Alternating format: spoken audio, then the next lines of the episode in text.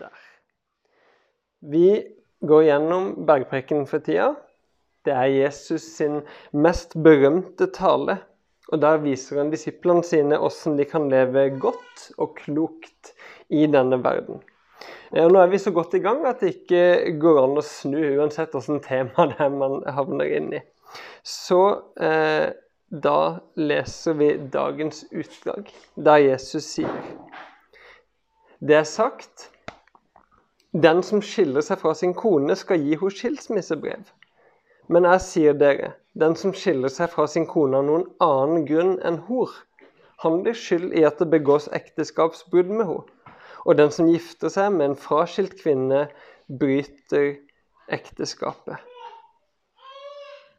Gjennom mesteparten av historien så har kirka fulgt denne læren og forkynt det at hvis du har gitt et løfte om å elske og ære og bli trofast hos et annet menneske for resten av livet, så skal du også holde det løftet. Kan si samme hva. Noen har opplevd denne forkynnelsen som undertrykkende, streng, firkanta. Og i flere tilfeller kan det hende at de har hatt rett. For noen ganger har nok kirka vært skyldig i å presse folk til å bli værende i destruktive, ødeleggende ekteskap prega av så harde hjerter at de ødela hverandre. Man har vært mer opptatt av å følge reglene enn å møte den enkelte med barmhjertighet. Men spørsmålet står jo likevel der. Hovedpoenget når er det greit å skille seg? Dette var en levende diskusjon allerede på Jesus sin tid. Senere i Matteusevangeliet ser vi at han diskuterte temaet med noen andre skriftlærde. Vi hørte den teksten i stad, før jeg begynte på. Det var noen som ville sette han på prøve, og de spurte har en mann lov til å skille seg fra sin kone av en hvilken som helst grunn. Det kan virke som om disse skriftlærde også var mest opptatt av reglene. Hva er lov, hva er ikke lov? Mer enn hva er godt, hva fører til liv. Jesus svarte de, har dere ikke lest at skaperen fra begynnelsen av skapte de som mann og kvinne, og sa derfor skal mannen forlate sin far og mor og holde fast ved sin kvinne, og de to skal være én kropp? Så er de ikke lenger to. De er én kropp. Og det som Gud har sammenføyd, skal mennesker ikke skille. Jo da, sier Jesus. Dere kan skrive skilsmissebrev, men da er det også et brudd på ekteskapet. Da har dere skilt det som Gud har sammenføyd i dere. Intensjonen er at et ekteskap skal vare for alltid. Men hvorfor er Jesus så opptatt av det her? At han tar det med i bergprekenen, at han går inn i disse her diskusjonene? Vel, Jesus oppsummerer hele loven og profetene, alt det Bibelen handler om, med disse ordene her. Du skal elske Herren din Gud av hele ditt hjerte, av hele din sjel og av all din forstand. Og du skal elske din neste som deg sjøl. Så sier han at på disse to budene hviler hele loven og profetene. Derfor tror jeg at hvert eneste bud som fins i loven, kan være et uttrykk enten for det å elske Gud, eller det å elske sin neste, eller, og ganske ofte, begge deler på en gang. Og det å bli værende i et ekteskap og arbeide for at det skal fungere, det tror jeg handler om begge deler. Om å elske Gud og å elske sin neste. I sin bok om bergprekenen som heter 'The Divine Conspiracy', anbefaler den veldig, The Divine Conspiracy, der hevder filosofen Dallas Willard at mennene på Jesu tid ofte levde greit etter en skilsmisse. Altså, de klarte seg. Men kvinnene derimot, de ble kasta ut i en dyp krise hvis ekteskapet ble brutt. Altså Hvis en kvinne i Midtøsten rundt år 30 ble skilt, så havna hun mest sannsynlig i fattigdom. Og hvis ikke det var en familie der som kunne stå klart for å forsørge henne, så kunne det til og med hende at hun endte opp i prostitusjon for å klare å overleve. Så når Jesus sier at den som skiller seg fra sin kone, blir skyld i at det begås ekteskapsbrudd med henne, så mener altså Dallas Willard at det, det er ikke sikkert det bare handler om det ene bruddet. Nei, for mannen kan ende opp med å sette henne i en situasjon der det begås ekteskapsbrudd mot henne igjen og igjen. Og det å gjøre noe sånn mot et annet menneske, det er ikke, ikke å elske sin neste som seg sjøl. I dag så er det økonomisk enklere. I dag er de fleste kvinner selvstendige, de har jobb, utdannelse, egen inntekt, og godt er det. Men det gjør likevel vondt. Hvis du skiller deg fra din mann eller din kone, så, så sårer du den andre. Og det er, det er også alvorlig. Du skal elske din neste som deg sjøl, sier Jesus. Det som i dag gjør at folk flest vegrer seg mot å skille seg, det er den kjærligheten de har til barna sine. Jeg leste en artikkel i Aftenposten i vår da jeg drev og forberedte meg. Og Der sa en psykolog som heter Line Marie Warholm dette her.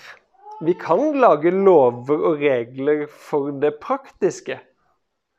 Eller som Jesus ville sagt, ja, dere kan skrive skilsmissebrev for det formelle på plass. Men, fortsetter Warholm, vi kan ikke organisere oss vekk fra følelsen at noe er feil, når et barn ikke bor sammen med foreldrene sine. Og at vi påfører barna en kontinuerlig smerte når de alltid savner enten mamma eller pappa. Warholm hun er sjøl skilt, hun som skriver der, så hun vet hvor vanskelig dette her kan være. Jesus han er knalltydelig i sin undervisning om ekteskap og skilsmisse. Og det kan være krevende for, for noen, egentlig for de fleste av oss, å høre. Kanskje har du sjøl vokst opp med skilte foreldre og opplever da disse ordene som en fordømmelse av de. Kanskje gjelder dette deg direkte og personlig. Og så berører det deg. Kanskje har du noen venner som har skilt seg og så kommer Jesus med et så hardt, nesten firkanta budskap. Hvorfor gjør han det? Jeg tror ikke Jesus sier disse ordene med fordømmelse, først og fremst. Jesus sa jo at han er ikke kommet for å dømme, men for å vise veien til frelse. Jeg tror Jesus her først og fremst kommer med omsorg og kjærlighet. Når Jesus sier det som Gud har sammenføyd, det skal ikke mennesker skille, så ser jeg for meg et sånn varmt tonefall i det også. Det var ikke sånn her. Det var ment at det skulle være Det her ble vondt. Det var ikke sånn det skulle gå. Det å holde ekteskapet hellig og gjøre alt man kan for å få det til å fungere, det handler i stor grad om å elske sin neste og skjerme den andre for smerten det er å oppleve et brudd. Men jeg tror også det handler om å elske Gud. For det første så er det å bli trofast i et forhold, det, det handler om å elske Gud ved å være lydig til Han, og dermed være trofast til Han. Og for det andre så tror jeg det å bli trofast i et ekteskap, eller altså trofasthet i alt mulig i livet, men her er jo ekteskapet et, et, tydelig eksempel. da, At ved å være trofaste, så ikke bare er vi lydige til Han, men vi etterligner Han. Vi viser at ah, vi har lyst til å være som deg, Gud. Og Gud, hva er det han er? Han er trofast. Hele Bibelen er som en lang kjærlighetshistorie mellom Gud og menneskene der israelsfolket har en sånn hovedrolle, og de er utro gang på gang. Gjør det som er ondt i Guds øyne. Og viser han ryggen. Begynner å tilbe andre guder. Men Gud blir stående der hos de i kjærlighet. Hele tida så strekker han hånda ut, gir de nye sjanser. Til slutt så strekker han hendene ut på et kors. Og han tar der de og oss imot med åpne armer. Gud er kjærlighet. Så jeg vil avslutte med å spørre Kan Guds trofaste kjærlighet, den vi sang om i stad, være en inspirasjon for deg i det ekteskapet du har nå? Eller om du en gang klart og tydelig står og sier ja til å gifte deg med en annen. Og samtidig kan Guds trofaste kjærlighet være en trøst for deg. Når ekteskap rundt deg går i stykker, når mennesker svikter deg, når vakre og gode relasjoner som betyr noe for deg, blir ødelagt og brutt. Når du opplever at du ikke ennå har fått den du kan si ja til, kan du da huske at Gud er trofast mot deg og står hos deg og elsker deg? Kan du huske det også, om det er du som svikter? Jeg avslutter med en bønn før vi går over i lovsang og nattverd.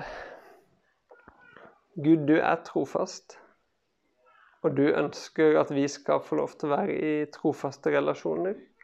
Enten vi er gift eller det er i vennskap eller hva enn det er, så, så setter du pris på og har glede i å se vår trofasthet. Jeg ber om at du må hjelpe oss med å elske deg og elske hverandre, og jeg ber om at du må trøste oss og helbrede oss i de relasjonene som er blitt ødelagt. I Jesu navn. Amen.